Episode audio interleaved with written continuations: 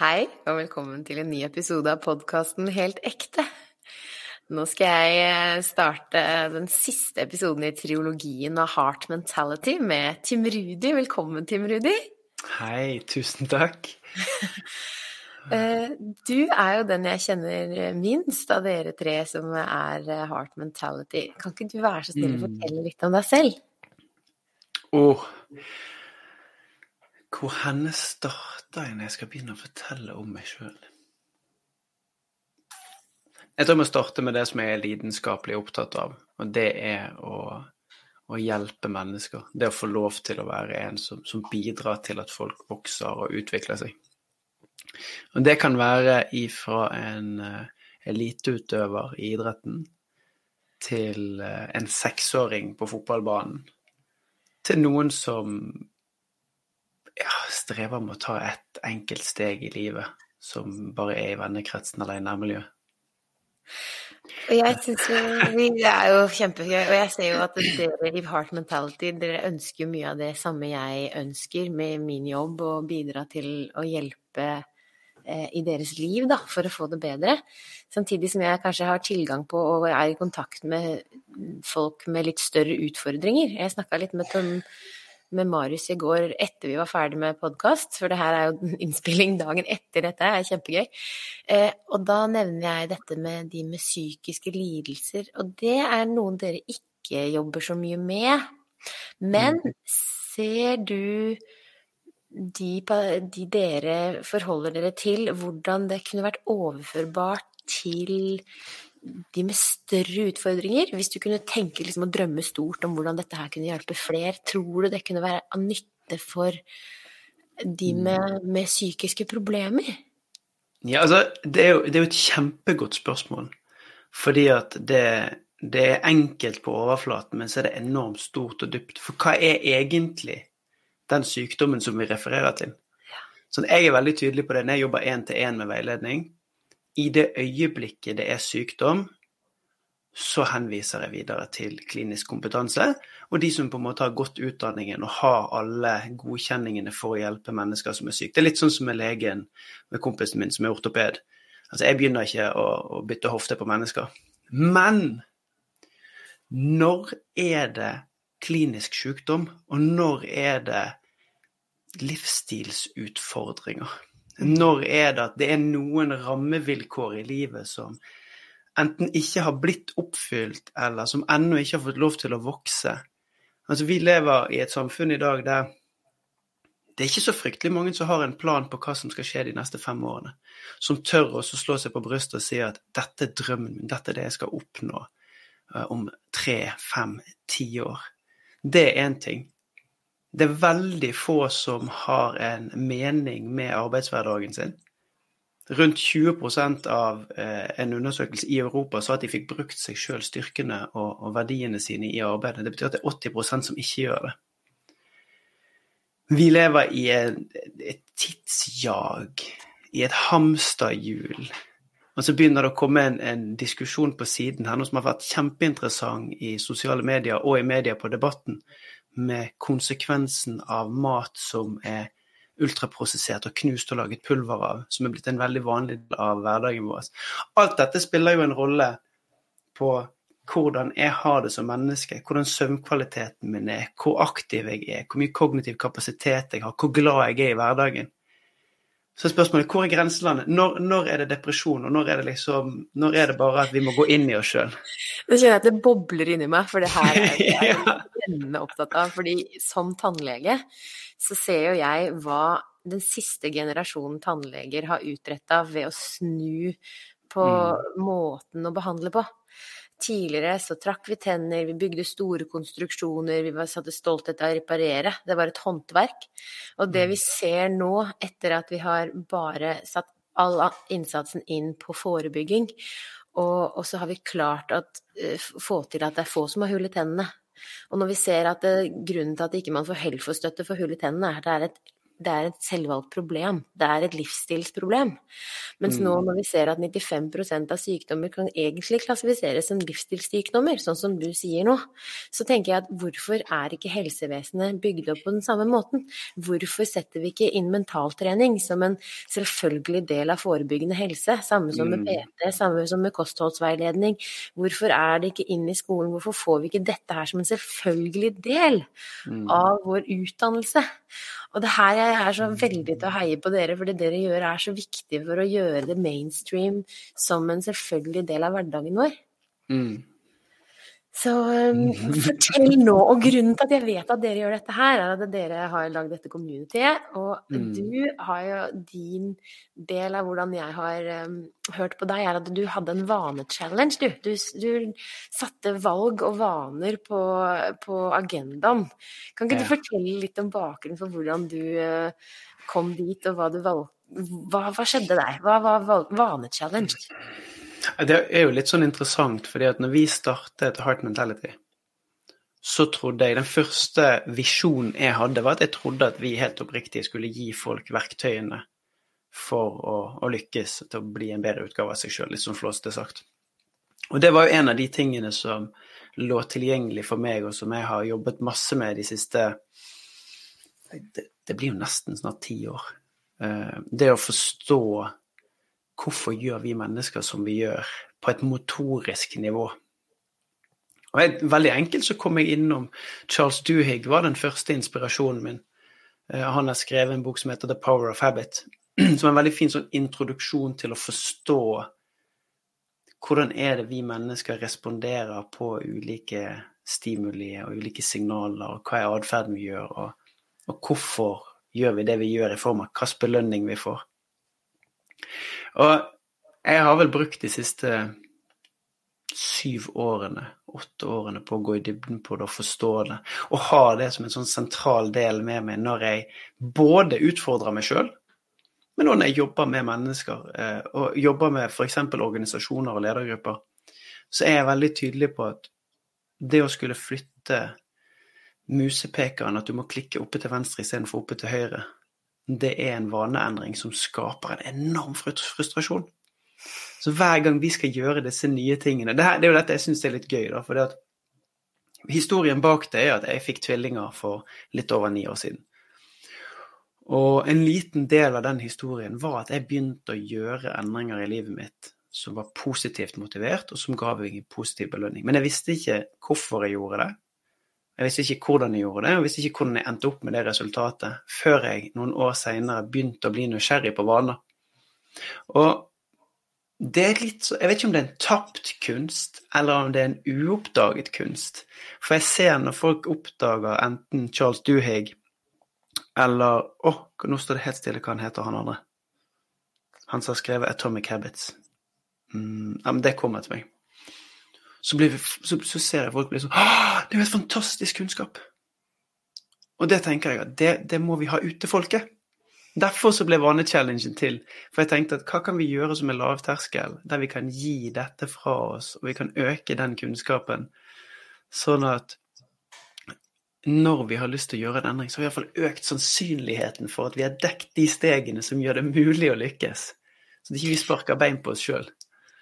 Og det er veldig gøy, fordi det høres så enkelt ut, det dere driver med. Og det høres så basic ut, og bakgrunnen deres eh, virker jo som kanskje først og fremst er idrettsutøvere, og det er kanskje idrettsutøvere dere også hjelper mye. Men jeg ser jo at eh, etter å ha studert, lest mye filosofi, psykologi, hjerneforskning, så er det mye som backer, er mye tung materie som ligger under det å gjøre det så enkelt. Mm. Og det er det at da kan det kanskje undergrave dere ved å si at nei, hva, hva er de, hvem er de som kan uh, lære noen om det? Men, men, det er kanskje ikke at dere har ikke behov for at andre skal se opp til dere som der smykker dere med forskning og titler. Men dere klarer å holde det enkelt. Og det, fra jeg bygde hus her, eh, så han fantastiske arkitekten som bygde vårt hus, som sa at 'God is in the details'. Å se og gjøre det enkelt. Det er da det koster penger, det er da det er vanskelig, og det er da det er det som krever det. Det å klare å få det til å se så enkelt ut. Så hvordan har dere klart å få det så enkelt? Jeg, der må jeg faktisk Jeg må sende en god uh, Om det er sånn takk eller en hederserklæring til Anja. For hun er den som har trent meg og trimmet meg de siste par årene. Vært veldig tydelig på liksom, hvordan kan vi forklare det enkelt? Hvordan kan vi ta det du sier og gjøre det enkelt? Og så Samtidig så går hun foran med et eksempel. Hun, hun, tester hele tiden hvordan kan jeg gjøre dette budskapet lekent, enkelt og forståelig, sånn at det både matcher femåringen og 85-åringen. Uh, og så er det noe med For meg, i liksom verdikompass, eller det jeg har med meg, så er det det å forstå og bli forstått. Det er kjempeviktig. Så jeg har hele tiden, jobber hele tiden med å justere språket, sånn at For målet er jo at budskapet som vi bærer, skal lande hos uh, den som lytter, og skal tas med seg videre som innsikt eller læring. Og allerede når vi flyttet til Trondheim i 2010, og jeg begynte med undervisning da, så måtte jeg begynne å slipe av bergensdialekten min og tilpasse den. Og det å, det å ha en driver i meg som, som, gjør at jeg har så lyst til at du skal forstå det jeg sier, det gjør òg at jeg hele tiden forsøker å forenkle. Og så er det litt Jeg har bare lyst til å legge til det med på vaner. Den første vanechallengen vi hadde, det var i mai 2022. Da bestemte jeg meg for at jeg hadde lyst til å ha en ny morgenrutine. Jeg hadde lyst til å stå opp tidligere, og jeg hadde lyst til å meditere, bevege meg litt, og så gjøre selvrefleksjon og kanskje lese litt. Det tok 18 måneder før jeg hadde den første vellykkede uken der jeg sto opp ti på halv syv istedenfor syv, og gjorde de tingene i 40 minutter. Og det er kanskje det som er det viktigste budskapet, er at ting tar tid.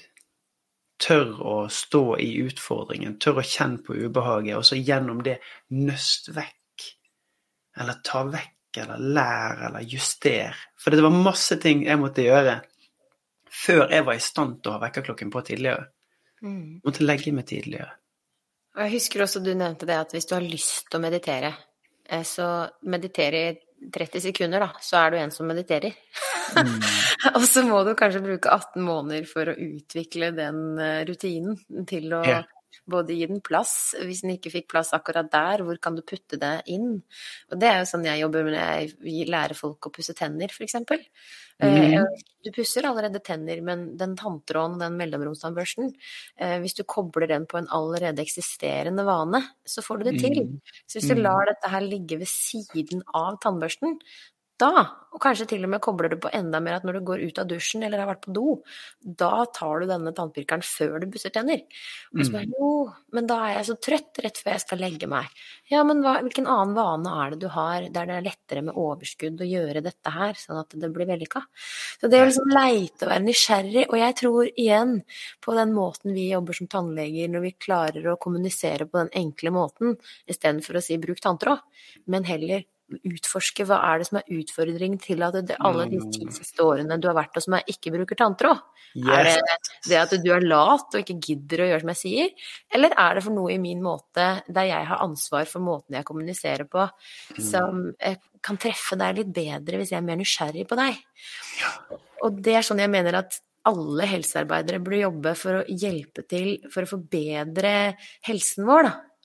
Alle mennesker Liksom, for vi trenger ikke ta inn i kategorier. Du, for du sa i sted sant, at, at, mye av det vi snakker om er forbeholdt utøvere og eliteutøvere. Det er jo ikke det. Når, når, vi tenker sånn, så ser vi utenfor oss sjøl og så bare Ja, ja, neimen det, det, ligger for han eller hun eller hen, men det er ikke noe for meg. Og Poenget er at akkurat det du sier nå, hvis alle mennesker hadde vært nysgjerrige på hvordan vi gjør ting, og hvis alle hadde vært medmennesker og istedenfor å dømt Å ja, du fikk ikke til å bruke tanntråd, du din idiot. det, er, veldig mange tannleger som tenker sånn, og den, ja.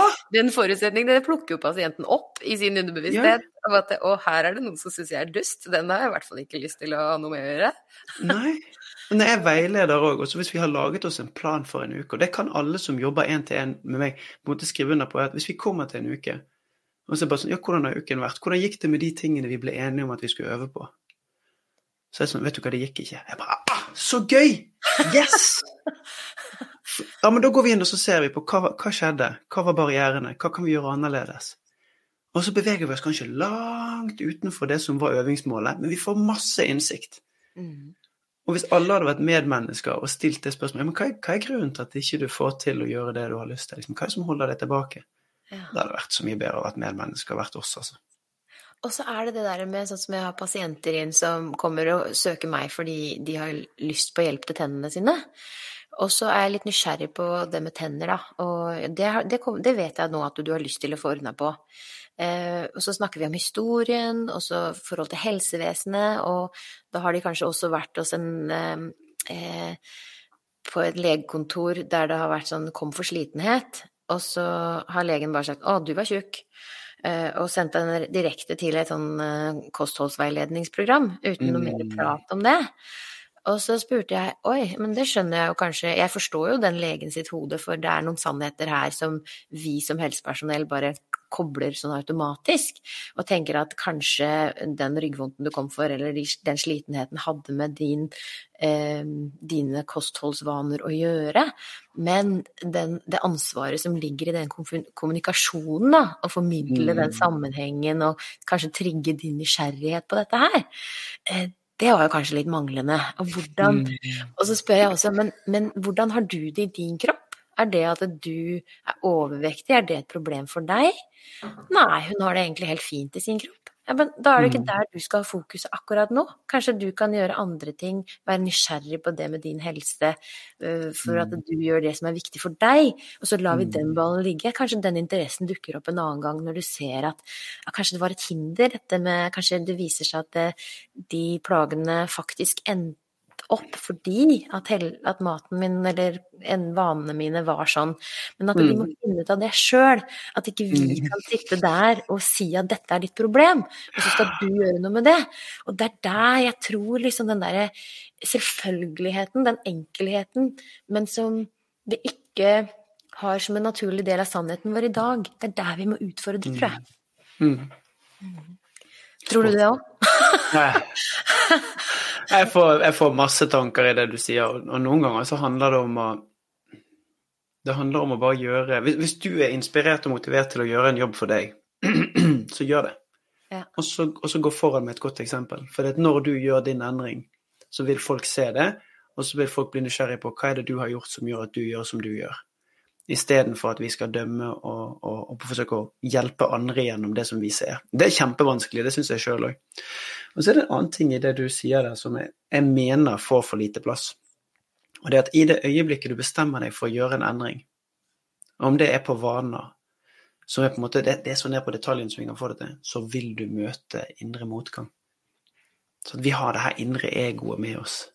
Kan kalle det masse forskjellige ting, men, men de fleste kjenner den som den indre beskytteren, det indre egoet. Og dens funksjon det er å ivareta alt som har skjedd opp til nå, og huske på alle trofeene vi har fått, og alle seirene, og til og med huske på alle nederlagene, og så beskytte det for fremtiden. Så i det øyeblikket vi bestemmer oss for at nei, men jeg skal faktisk bli en, en ny utgave, jeg skal oppgradere meg sjøl litt, jeg skal ha ny kunnskap, eller jeg skal komme i bedre form, eller jeg skal være mer for lokalmiljøet, så vil den sette stopper i oss. Bare den, bare den tanntråden kan faktisk Nei, jeg er ikke en person som tar vare på tennene mine, jeg må ikke slutte med det. Det kan jo lede til at du faktisk blir sunnere og blir mer opptatt av Så det kan vi ikke gjøre. Vi kan ikke ha endring. Og bare det å vite at den motstanden er der, det syns jeg er kjempenyttig kunnskap. Mm. Forbered oss på det. Og Anja forteller det veldig fint med hvordan hjernen fungerer, hvordan den kritikeren er der, hvordan vi utfordrer alle ting vi blir fortalt.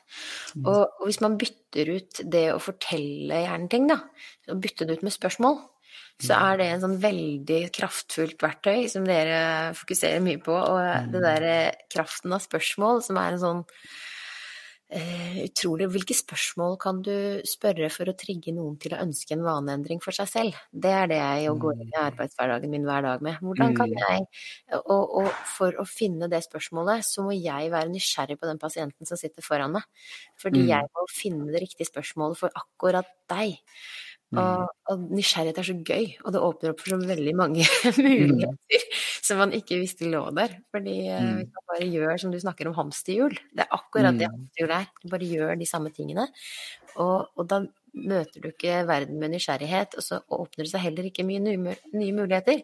Så da vil Mm. sporet gå i den retningen du alltid har gått. Mm. Um, Men vi, men vi er på vei, for det, du begynte jo spørsmålet ditt begynte jo med hvordan kan vi, Hvor er skjæringspunktet mellom, mellom psykisk eh, helse eller sykdom og det vi gjør? Jeg, jeg, jeg, tør å påstå at i 2023 vi er på vei inn i en sånn bevissthetsrevolusjon. Folk blir mye mer bevisst på hvor bruker jeg tiden min. Det er det ene. Mm. Hvor henne går energien min gjennom dagen. Og så blir folk bevisst på hvordan lager jeg opp energien min. Søvn. Sant? Folk begynner å snakke mye mer om søvn, om hvile. Torkil Færø sin bok om, om, pulskuren har tatt helt av og ble oversatt til mange språk og skal både til England og USA. Folk er blitt opptatt av stillhet og meditasjon fordi noen har oppdaget det, det, som skjer på innsiden. Mat er blitt viktig, bevegelse Han har vært der hele tiden. Så vi er på vei et sted der allmennkunnskapen for de som ønsker det, så begynner ting å bli så tilgjengelig at uh, jeg, har, jeg, er faktisk sånn forsiktig optimist akkurat nå. Vi pusher litt tilbake. Vi tar ikke alt for, eh, for god fisk, altså. Og jeg er med å prøve å samle og heie på alle de som prøver å dytte ting i den retningen. Og så er mm. spørsmålet mitt hvordan skal vi få fortgang i de politiske måtene å styre på uh, ved å gjøre det her også tilgjengelig for politikerne, som ikke går og er nysgjerrig mm. på dette her, men som er ansvarlig for at dette her skal påvirke veldig manges liv. Så det er mitt spørsmål nå. Hvordan kan jeg mm. bruke det dere sitter på med kompetanse, for å gjøre det tilgjengelig for flere, sånn at de som ikke søker det, de som ikke er nysgjerrig på det, også skal få mulighet til å ha det som en del av, av sine muligheter, da. Mm. Jeg, jeg, tror, jeg, tror, helt oppriktig at det som mangler nå, det er at veldig mange av de som har stor påvirkning, som er opinionsbærere, på de flatene som er på internett, da, ja. eh, bør begynne å slå seg sammen. Ja, det tror altså, jeg det, det, det, er sånn som fra Siri Abrahamsen og Gleding til Marit Kolleby på kosthold, til eh, Anette Drageland og Leger og liv. Altså det finnes så mange nå som på en måte står for de samme tingene. Ja. Ja. Som folk begynner begynner altså Torkil Færøy i Pulskuren, som har så mye kunnskap om hvordan vi mennesker bør leve. Nå var ikke meningen å utelate noen, men, men, poenget er at hadde du samlet alle disse rundt et bord nå og så sagt hvordan skaper vi en enorm kraft bak dette, så tror jeg det hadde skjedd en endring. Ja. Fordi at da hadde budskapene fått mer plass. Du snakker om mennesker som har et sted mellom 20 og 100 000 følgere på Instagram. Du kan fort få den ballen til å rulle veldig, veldig kjapt. Og her, hvor ligger utfordringen i det? Og det er fordi alle på en måte har sitt brand eh, og sin merkevare, og er, mm. tenker den der økonomiske profitten og oppbyggingen av sin merkevare.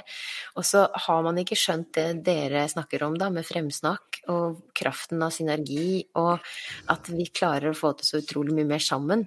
Og jeg tror at veldig mange av disse menneskene ikke egentlig tenker at det er tilfellet, men vi er ofte i den jakten på følgere, jakten på posisjon og de rette menneskene, så må vi ta noen valg også for å beskytte oss selv.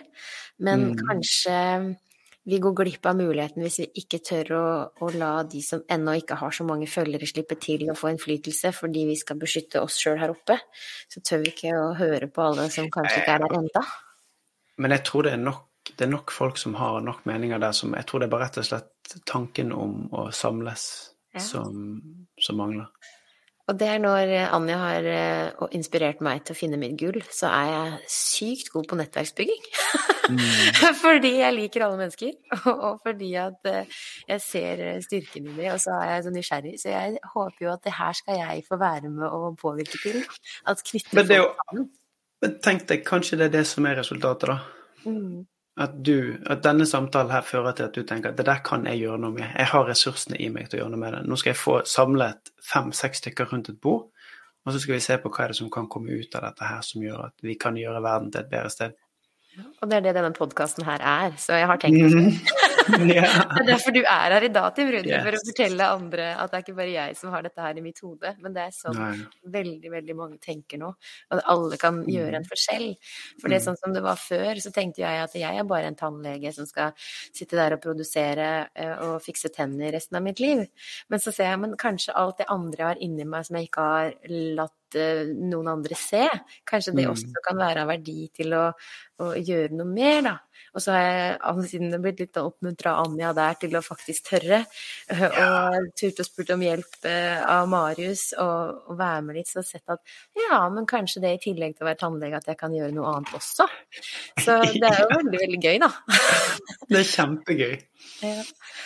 Og jeg er jo litt sånn eh, Det var noe annet jeg hadde lyst til å ta tak i den vanechallengen, for det er jo mange ting som ligger under her. Det er lett å si at vi skal bli bevisst vaner, endre vaner, men hva er en vane? Og når du snakker om disse tingene vi gjør, så er det også de tingene vi tenker en vane. Mm. Så du tok fram et eksempel i en av dine podkaster med Marius, når dere har sånne timinuttere, der Mm. du snakka om det å dømme. Og der du Mm. hadde et prosjekt der du skulle ta deg i når du dømte andre. Husker du det?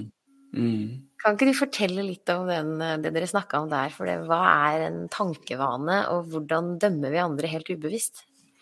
Det, er det, men det er flere, jeg vet ikke om jeg husker sånn spesifikt akkurat den historien der, men, men fysiske vaner, altså det som gjør at du tar tannkosten i, i venstre eller høyre hånd og pusser tennene sånn som du gjør, de er egentlig helt det samme. Det er bare de mentale vanene de blir ofte skjult for oss helt til vi blir bevisst. Eh, Det er den samme triggeren. Altså vi, vi, vi sier at vanesirkelen har et signal, og så har vi en atferd eller en tanke, og så har vi en belønning etterpå. Og det som gjør det litt sånn vrient, er at hva er belønningen på dårlige mentale vaner? Jo, hvis jeg f.eks. er usikker Hvis jeg har usikkerhet i meg og går inn i et rom, og noen gjør noe som forsterker usikkerheten min, så kan signalet være at jeg kjenner at jeg blir utrygg. Og så ved å skape avstand, så dømmer jeg andre. Du er, du er ikke, du er alltid. Og så er belønningen min er at jeg fortsatt er trygg. For inni hodet mitt så tenker jeg ja, hvis jeg plasserer Cecilie, hvis jeg tenker at Cecilie hun er prikk, prikk, prikk, ja, da liker ikke jeg hun, og så tror ikke jeg hun liker meg, men da er det i hvert fall da er jeg trygg. Og så har vi på et veldig sånn generelt basis i dag, jeg mener vi har hatt det lenge, en motorvei i hjernen vår til å se og lete etter og finne alt som er feil med oss sjøl, med andre og med omgivelsene våre. Direkte dømme.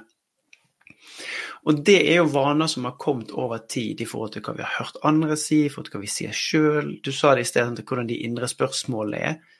Du har dømmende spørsmål, og så har du lærende spørsmål. Det dømmende spørsmålet er hvem sin feil er det? Sånn, hvorfor er hun så dum? Hvorfor er jeg så dum? Hvorfor går det alltid dårlig? Hvorfor får jeg aldri til dette her? Og Poenget er at i den dømmingen så får du svar på det du spør om, for det er jo det som er hjernen sin ekspertkompetanse. Og da får du nei, du får ikke til dette her, det er fordi at du er dårlig på ABC. Og så kan vi stille lærende spørsmål, og det er jo det som er så spennende, for hvis du blir kjent med når den negative stemmen kommer, eller når du dømmer, og du ikke har lyst til å gjøre det, så er det noe som skjer i forkant. Hm. Skal vi se, nå kjente jeg at jeg var usikker, og da fikk jeg lyst til å dømme Cecilie. Ok, men jeg kan stille et annet spørsmål. Hva er det som gjør Cecilie til et flott menneske? Men så kanskje første gangen så kommer ikke det så mye. Ja, hun har et fint smil og veldig tilstedeværelse. Det er det som kommer liksom med en gang når jeg stiller meg selv det spørsmålet. Så kan jeg stille meg selv, Hva er det som gjør Cecilie til et menneske som jeg har lyst til å, til å tilbringe tid sammen med? Over tid så kommer alle kvalitetene til Cecilie frem.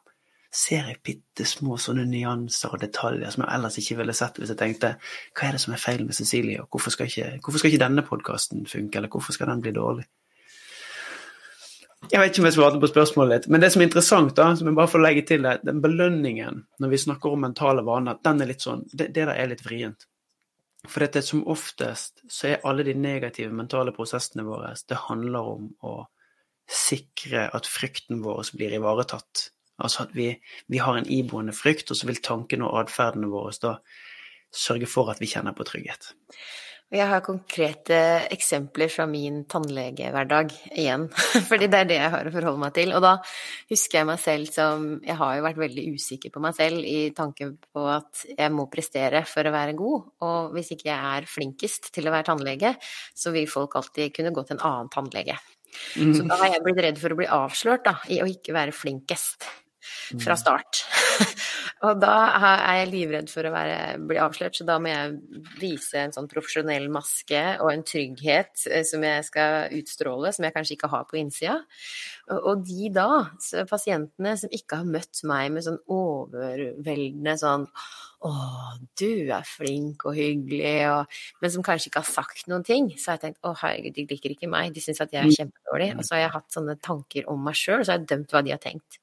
Mm. Og det at jeg har jo ikke latt det her Jeg har jo vært litt nysgjerrig på det, og jeg har jo hatt en såpass rasjonell tankegang at jeg tror jo at det faktisk ikke alltid handler om meg, men, men det er de automatiske tankevanene som har slått inn. Mm. Uh, og så har jeg nå da sett hva kan jeg gjøre med det.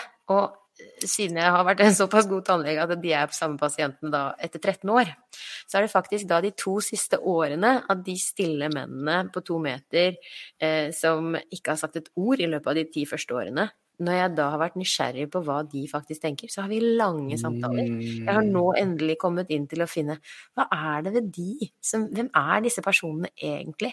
Hva er det mm. de, hvilke forhold er de til seg selv og til sine egne tenner?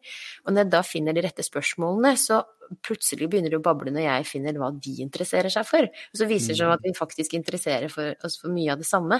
Og så mm. handler jo tross alt alt om det samme temaet når det kommer til stykket, for det handler om hvem vi er som mennesker, og hvordan vi ønsker at egentlig verden skal være litt bedre. Mm. Så, så, da åpner det jo en hel haug med muligheter, da, fra hvordan jeg så det var de ti første åra, og hvordan det er i en tannlegehverdag eh, når jeg da ser at de pasientene jeg var litt redde for, de som gjorde at jeg fikk en litt dårlig magefølelse når jeg så navnet i timeboka på starten av dagen, nå har det blitt mine favoritter. Mm. så det er et godt eksempel på hvordan Ja, det er det. Og så har De har jo ikke gjort noe annerledes de siste tolv årene. Det er, du, det er, jo du, som har endret måten du ser verden på, du ser de på, og tilnærming. Og det er kanskje det som er det kule med det her som vi snakker om, er at det er jo tankene våre påvirker jo hvordan vi, vi tenker om oss sjøl og omgivelsene. Og det du gjør, er at du gjør en endring som er sånn Ja, kanskje det ikke handler om meg. Kanskje det handler om de.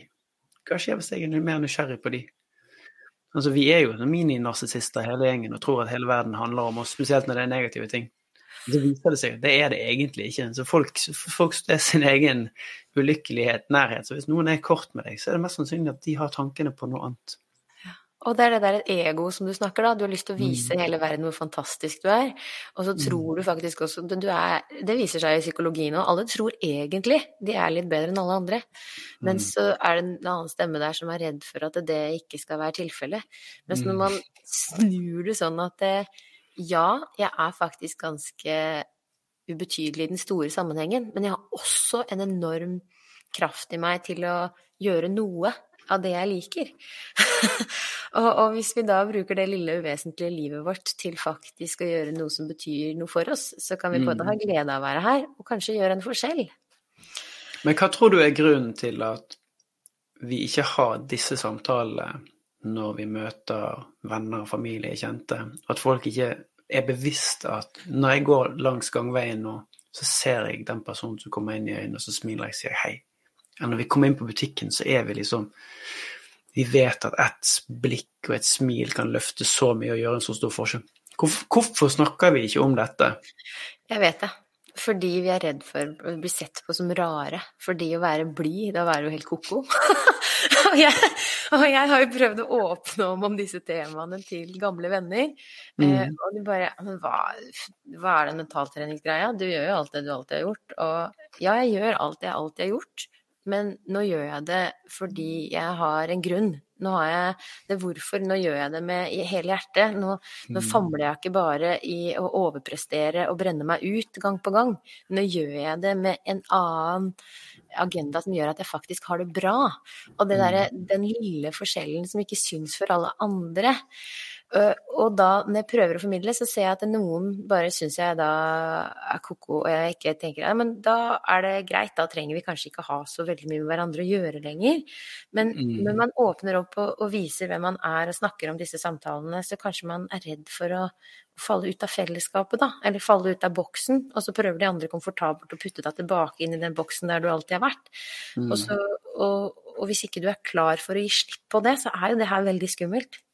Mm. Så, men eh, jeg har jo vært der at jeg har måttet gi slipp på noe for å gi rom for noe nytt, jeg også. Yeah. Så, men det, er, det kan være ukomfortabelt, i hvert fall når du er så utrolig glad i de du alltid har hatt der, de som alltid har vært der. Og familien. Ja, så har jeg gjort en jobb med å prøve å snakke med familie, sånn at jeg fortsatt skal ha det veldig, veldig fint med familie. Og nå Mm. prøvd da å implementere de mine nye grenser inn i de gamle familieforventningene. Og det har vært en jobb, men det har, nå er det jo så innmari bra. Men det har vært et par vanskelige år på mange måter. Mm. Men eh, ja. Living with intention. Det sier han coachen min.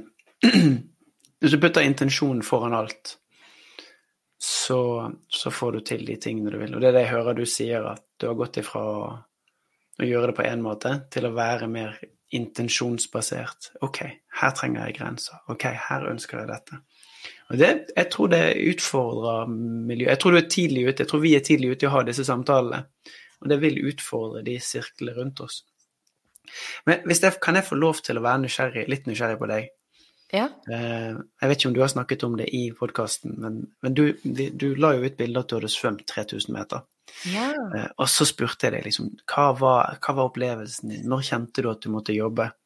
Og så var svaret ditt at denne gangen her så opplevde det seg veldig fint at du var i kroppen. Men kan, kan du fortelle, kan du få humor me litt? Og så kan vi snakke litt sånn faglig. Skiftet fra den, den, den forrige gangen var for tre år siden, og det var blytungt. Ja. Jeg kan bare fortelle litt, fordi du var jo nysgjerrig på dette bildet jeg la ut eh, fra Vikefossen ut, som er en svømmekonkurranse som er i Modum hvert år. Eh, og Bjørn, mannen min, han har jo svømt den her siden eh, 80-tallet. Men det var jo Eller 90-tallet. Men i hvert fall det er dykkere som har starta den her, der de egentlig flyter ned en foss. eh, eh, En liten sånn stryk, og så ned Vikersund, eller eh, den elva, da. Og det er eh, 3000 meter, og det er kaldt vann. Og de dykkerne har jo tykke dykkerdrakter. Mens det Bjørn, mannen min, og eh, kompisen hans, som er svømmere, de kasta seg jo med på det her med svømmedrakter en gang eh, for lenge siden. Og de vant jo så dugelig over disse dykkerne, så de har lagd nå svømmeklasser og dykkerklasser etter at mannen min og kompisen kasta seg utfor stryket her i svømmedrakter, og svømte kjempefort da. Ja. Eh, så nå er jeg da med i svømmeklassen, og jeg har jo da villet være med på alle disse spennende tingene før, og jeg har kjent på det ubehaget og den frykten i det, og så følt meg litt som et offer. Jeg, åh, hva må jeg gjøre for å liksom bevise at jeg er like tøff som de? Og så har jeg vært en lite sånn offer i det jeg har kasta meg med på, akkurat som om det ikke var selvvalgt. Det var selvvalgt, Mm. men jeg skyldte litt på Bjørn når det var ubehagelig, og at jeg var redd og at det, Akkurat som det var hans feil å dra meg med på alt. Mm. Men jeg sa jo at det er det her jeg vil. Så han har jo ikke skjønt det at jeg har hatt alle disse tankene på innsida. Så han syns det er kjempespennende når jeg forteller han om hvordan jeg har tenkt om Mm. veldig. Og forrige gang, for tre år siden, da jeg var med på Vikefossen ut, så stilte jeg der, det var kaldt vann, og det var tåke. Og, og når du i seks-åtte grader vann kaldt vann og legger ansiktet ned i vannet, så er den automatiske responsen i kroppen å få panikk, ikke sant. Og her skal det være da, jeg vet ikke hvor lang tid det tar, det er i hvert fall langt. Og, og du, du får den der panikken når ansiktet blir så kaldt. Mhm.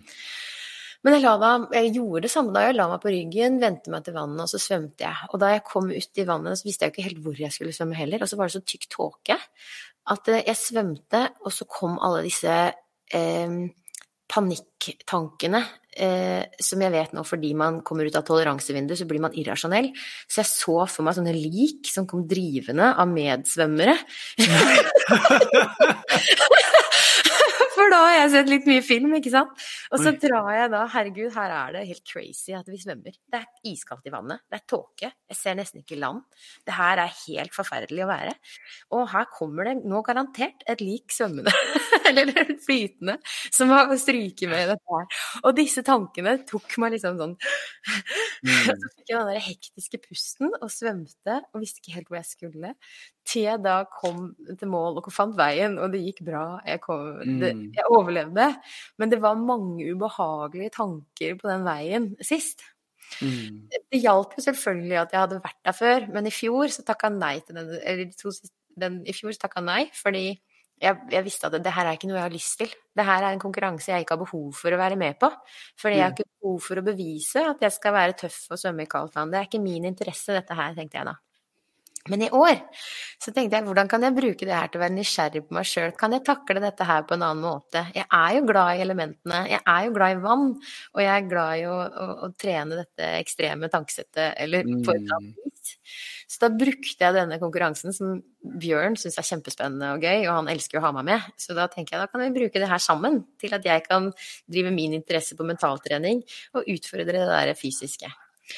Og da var jeg da Hadde brukt teknikker der jeg roa meg ned, hadde forberedt meg mentalt på hvordan det ville være å gå ut i det kalde vannet. Eh, se nå forberedt meg litt bedre på hvor jeg skulle svømme, sånn at jeg var trygg på veien. Eh, og og liksom sett for meg hvordan jeg skulle få til det her helt fint. Og hva intensjonen var, og hva målet var. Det var ikke å vinne, det var ikke å prestere, det var ikke å skinne i noen andres øyne. Det var for at jeg skulle ha en fin reise i noe som var liksom utenfor komfortsonen. Og, og da blei det sånn jeg ville ha det. Jeg når jeg da fikk vannet i kaldt vann, så kjente jeg ja, men da må jeg puste. Og så vet jeg at man venner seg jo til det her når man da får litt tid. Og så koste jeg meg nede stryket der jeg kjente at jeg fløyt med vannet, og så at jeg svømte forbi litt folk. Det er gøy. Konkurranseelementet er gøy. Her er det folk jeg svømmer henger med. og så finner strømmen, for det er litt av konsept. Ikke sant? Man skal ut midt i elva for å finne strømmen, sånn at man får hjelp litt av den strømmen. Ah, ja. Men det fikk jeg heller ikke til sist. Det liksom, og det har forberedt seg på det, hvor skal man gjøre, hva skal man bruke for å komme seg frem mest mulig, bruke elementene. Og det å stole litt på intuisjon, ha planlagt litt på forhånd, og det å kose seg og bare være til stede, og ikke tenke på alle disse mm. tingene om lik som dukker opp problemer som kommer når man er utafor komfortsonen og ikke har mentalt forberedt seg. De var ikke til stede. Nå var det bare jeg i kroppen min som nøyt det å være ute i kaldt vann. Mm. Det var deilig. så og, det, ja. og du, i den historien, det som er så utrolig kult, det er at der, der svarer jo du på de tingene som som jeg òg svarte på i forhold til hvordan tenker jeg om meg sjøl, og hvordan dømmer jeg. For på et eller annet sted på veien der så har jo du byttet ut spørsmålene dine. Du har oppgradert spørsmålene dine. Hvordan kan jeg bruke denne opplevelsen til å vokse? Hvordan kan jeg bruke denne opplevelsen til å være mer nysgjerrig på? Hvordan kan jeg Men det er jo helt fantastisk. Det er, det, det er så kult å høre på. Og du vet at det her er et resultat av det dere gjør. Det er jo sammen med Jeg har søkt svarene mange andre steder også, men jeg ser at dere har en pakke der dere klarer å finne og hjelpe folk til å å finne ut av dette her, da. Og mm. trene på det aktivt eh, i de daglige samtalene yes. og, og, kursene og timene dere har. Så det heier jeg så på. Jeg anbefaler det til alle. Og, et, og, det tror jeg er et av svarene på altså et svar på det spørsmålet om hvorfor gjør vi ikke dette, eller hva, det er fordi at vi trener ikke på dette daglig eller ukentlig. Og jeg tror det er det som, er, som jeg kjenner jeg blir inspirert av nå er at vi ser at det å, det å, trene hodet, det å finne et sted der folk kan faktisk bruke mental kapasitet i et treningssenter for å oppgradere tankene sine og perspektivene sine og forståelsen av seg sjøl på, det er kjempeviktig. Og det er jo ikke noe nytt. Og grunnen til at det er idrettsutøvere som begynner å ta det her inn i den virkelige verden, det er jo fordi at det er i idrettsverden man må faktisk jobbe med huet for å prestere. At det ikke bare er den mm. fysiske treninga som skal til for å prestere. Du må også ha tankene på plass. Mm. Og vi drev mye med triatlon, eller jeg gjør fortsatt det, men når vi var skikkelig dedikert eh, så leste jeg triatlonbibelen til Joe Freel, og der er det et mm. helt kapittel til mentaltrening. Og det er jo ikke noe nytt i dette her med idrettsverden, at eh, man må ha huet på plass for å se og ikke denge seg sjøl når det går dårlig, men heller finne ut av hva er det som skal til for at eh, hva er det jeg har gjort riktig, hvordan skal jeg faktisk eh, finne den restitusjonen, mm. klare å gi meg gi meg den restitusjonen jeg trenger, da, uten å haste og puste og pese etter målet der framme. Men mm. som du sa igjen, nå må vi jo begynne å snakke om boka di snart, for her For du sa, nevnte for meg før, denne, før vi begynte å sette, trykke på rekk, at da du skulle skrive en bok, Mm. så handla det litt om det samme. Skal man haste til målet, eller skal man nyte prosessen? Du har skrevet en bok. Hva var Mm. grunnen til at du ville skrive den, og hva handler den om? Jeg har egentlig gjort begge deler. Jeg har både hastet til målet og hatt det godt på innsiden. Men historien bak er at jeg, jeg har en bok til som jeg har veldig lyst til å skrive. Og den har jeg jobbet med siden januar-februar. Den er fryktelig vanskelig å få ut. Jeg kan gå, og så kan jeg høre de ulike seksjonene av noen kapittel og budskapsoppfølging. Men idet det skal ut, så sier det stopp. Og her i, i slutten på juli så har Anja og Marius og meg et møte, og så ser Anja på oss, og så sier hun OK, gutter, hvordan kan jeg si dette og, og være skjønn samtidig? Så sier bare, bare si det. det. Du trenger ikke være skjønn akkurat nå. Så, Hvorfor skriver du den vanskelige boken først? Hvorfor skriver ikke du en lett bok først? Ah. Og så lener jeg akkurat sånn som jeg sitter nå, så lener jeg meg tilbake, og inni hodet mitt så hører jeg bare Kjære vene, hun har jo helt rett. og så ser hun på meg, og så sier hun Du er den som jeg kjenner som kan mest om mindset. Hvorfor skriver ikke du? Så jeg bare jo, jeg, jeg, jeg skal gjøre det. Dette var på en fredag. Og så går helgen, og på søndagen så møter Marius eh, altså kommer Marius hit. Vi skal ut og jobbe. Vi har en sånn kickoff ut på hytten. Skal være tre dager og jobbe og legge grunnlaget for høsten. Eh, Og vi snakker fortsatt litt om boken i løpet av de første dagene. Og så er det sånn at ene kunden som jeg har Jeg har lagt alle eggene mine i én kurv hos en kunde. Vi har planlagt masse aktiviteter. Og så, av ulike årsaker, så må de flytte de aktivitetene til nærmere jul, og kanskje over jul. Så jeg står der med en og en halv måned, helt tom kalender, og tenker Hva gjør jeg nå? Og så ser jeg på Marius og sier OK, men da skriver vi bok. Og den skal være ferdig 1. oktober. Hvor mange dager er det til 1. oktober? 46 dager. Let's go. Og sånn begynte det. Så vi satte oss et mål som utfordret For meg, da. Vi, vi 10x-er det målet. OK, hva, det å skrive den boken, det tror jeg jeg skal få til uansett. Men hva er det som vil utfordre meg? Jo, jeg må gjøre det på så liten tid at jeg føler at jeg må gjøre den til den viktigste prioriteten min i hele døgnet. Så jeg måtte gjøre den så viktig at jeg pustet og tenkte og følte den boken nesten til alle døgnets tider. Det var en kjempeviktig ingrediens. Jeg måtte ha en deadline som utfordret meg, og jeg måtte gjøre det på en måte som jeg ikke hadde gjort det før. Jeg måtte skape nye mentale modeller for hvordan lage en bok. Så jeg sa til Marius vi skal eie hele verdikjeden. Kan du være så snill å være min number two guy i dette prosjektet her, og bare hjelpe meg? Ja, sånn. Det kan jeg. Uh, og så kommer det til det andre spørsmålet. For det, det, var, det var på så kort tid som mulig for å få han ut. Det var, det var liksom en, var en mekanisme i at skal han ut, så må, må det kjennes eh, Hva det heter Urgency. Sånn, det må ut nå. Men samtidig så brukte jeg hver morgen på å installere følelsen av at boken var ferdig i meg sjøl.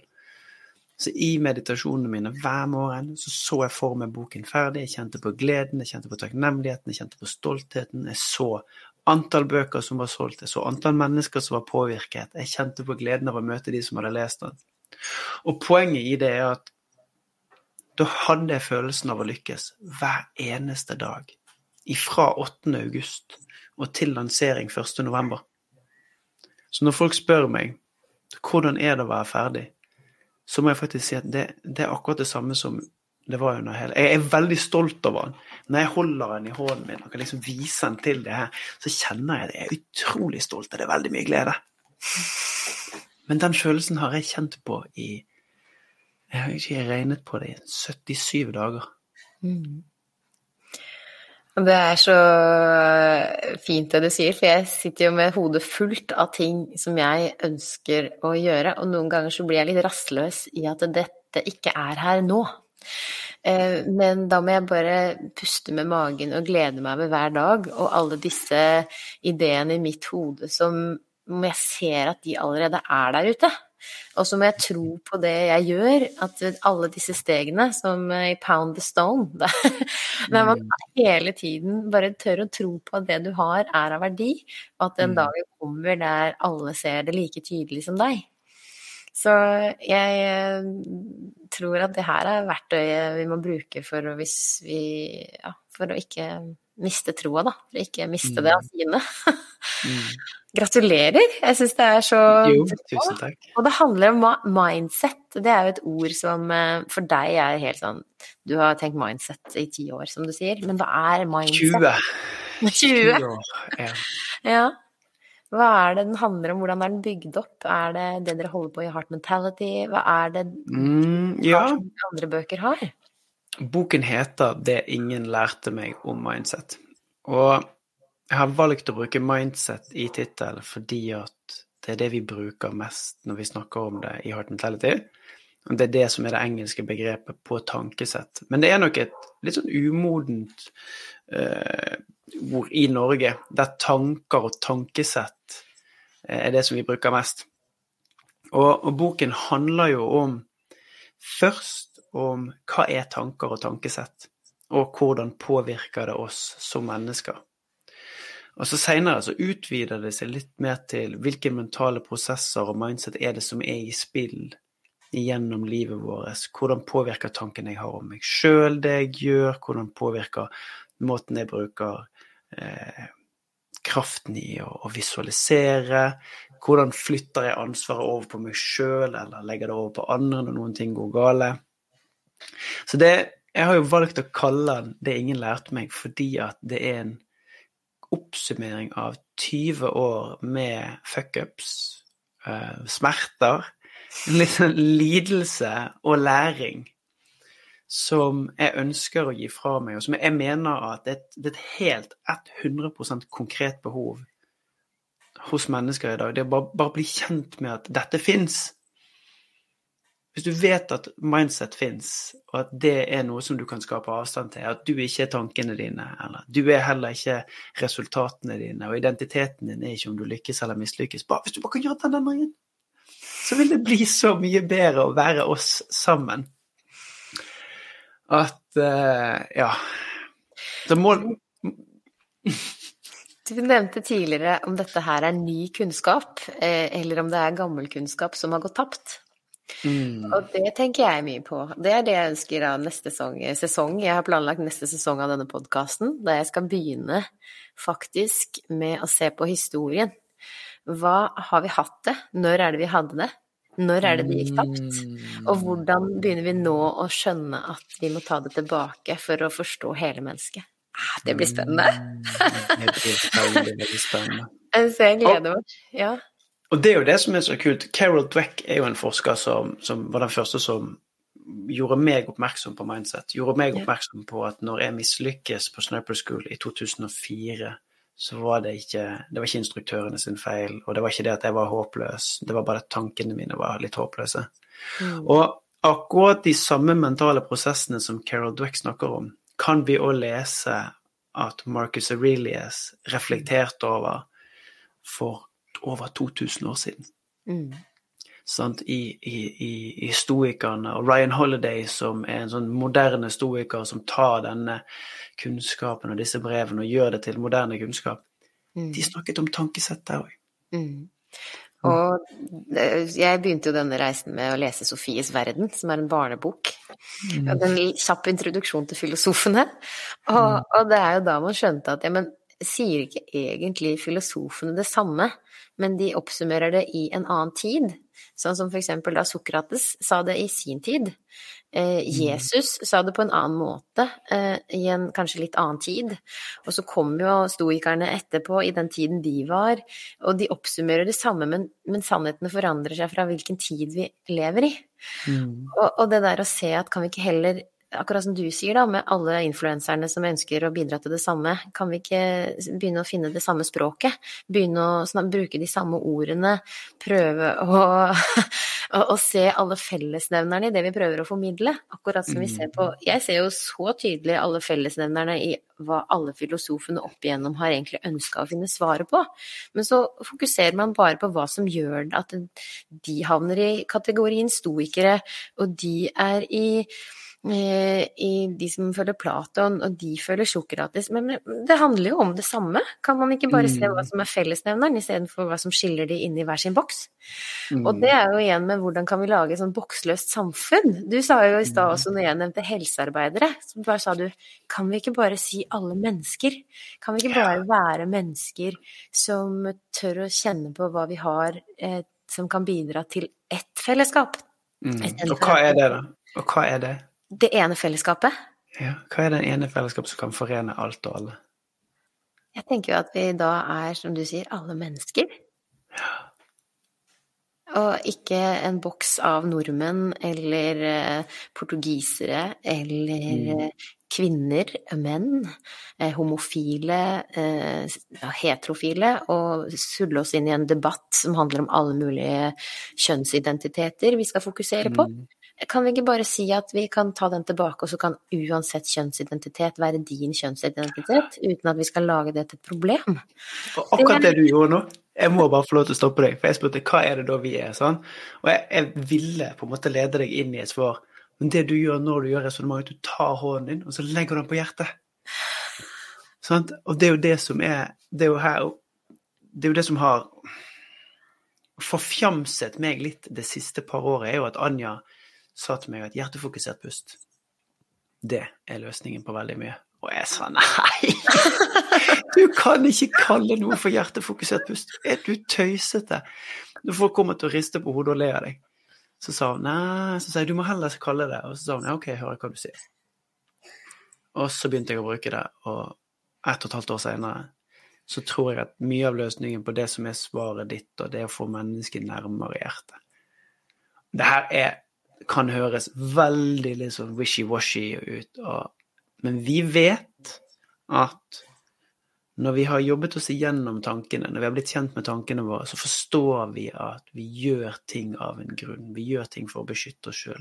Vi gjør ting for å tekkes frykten vår, f.eks. Og det er kun et helt hjerte uten alle disse lagene med rustning og beskyttelse som gjør at vi på et eller annet tidspunkt kan klare å stå side om side og være enige. Og jeg er positiv optimist, men det krever en voldsom innsats. Mm. Skal vi klare å jobbe hjertefokusert eh, fremover og skape det som jeg hører at vi egentlig har en drøm om at vi skal skape? Det er morsomt når du sier det der med skepsis. Bare sånn Nei, det der med hjertefokusert pust, det går jo ikke. Og jeg har sittet i de meditasjonene og prøvd på hjertefokusert pust, og så klarer ikke jeg legge Jeg vet at lungene er her, det er de vi puster inn i, og så sier du at jeg skal puste inn i hjertet. Det er helt feil for meg. for der lager man sånne Og så bare Men det er ikke det det handler om. Det handler om å eh, Ja, noe annet. Men vi må mm. slippe litt de der begrensningene vi har av å mm. kritisere, og eh, ja, åpne opp. Et åpent sinn. Mm. Kanskje man kan puste inn i hjertet. Kanskje man kan puste med hele kroppen. Mm. Ja. Eh, jeg har lyst til å avslutte nå det her er så utrolig fint. Jeg er så veldig takknemlig for at du eh, ville være med meg i denne praten. Er det noe du hadde håpa vi skulle prate om som vi ennå ikke har prata om? Du vet jo hva, vi har vært gjennom så mye, og jeg syns denne praten har vært kjempegøy. Jeg er veldig glad i å snakke om de tingene som dukker opp litt sånn naturlig. Og det syns jeg vi har fått til. Vi har liksom danset litt sammen i nysgjerrigheten i det vi brenner for. Da håper jeg du kan danse deg videre i dagen, og mm. Eh, at den blir veldig fin. Så da sier jeg takk for nå. Takk for nå. Tusen takk.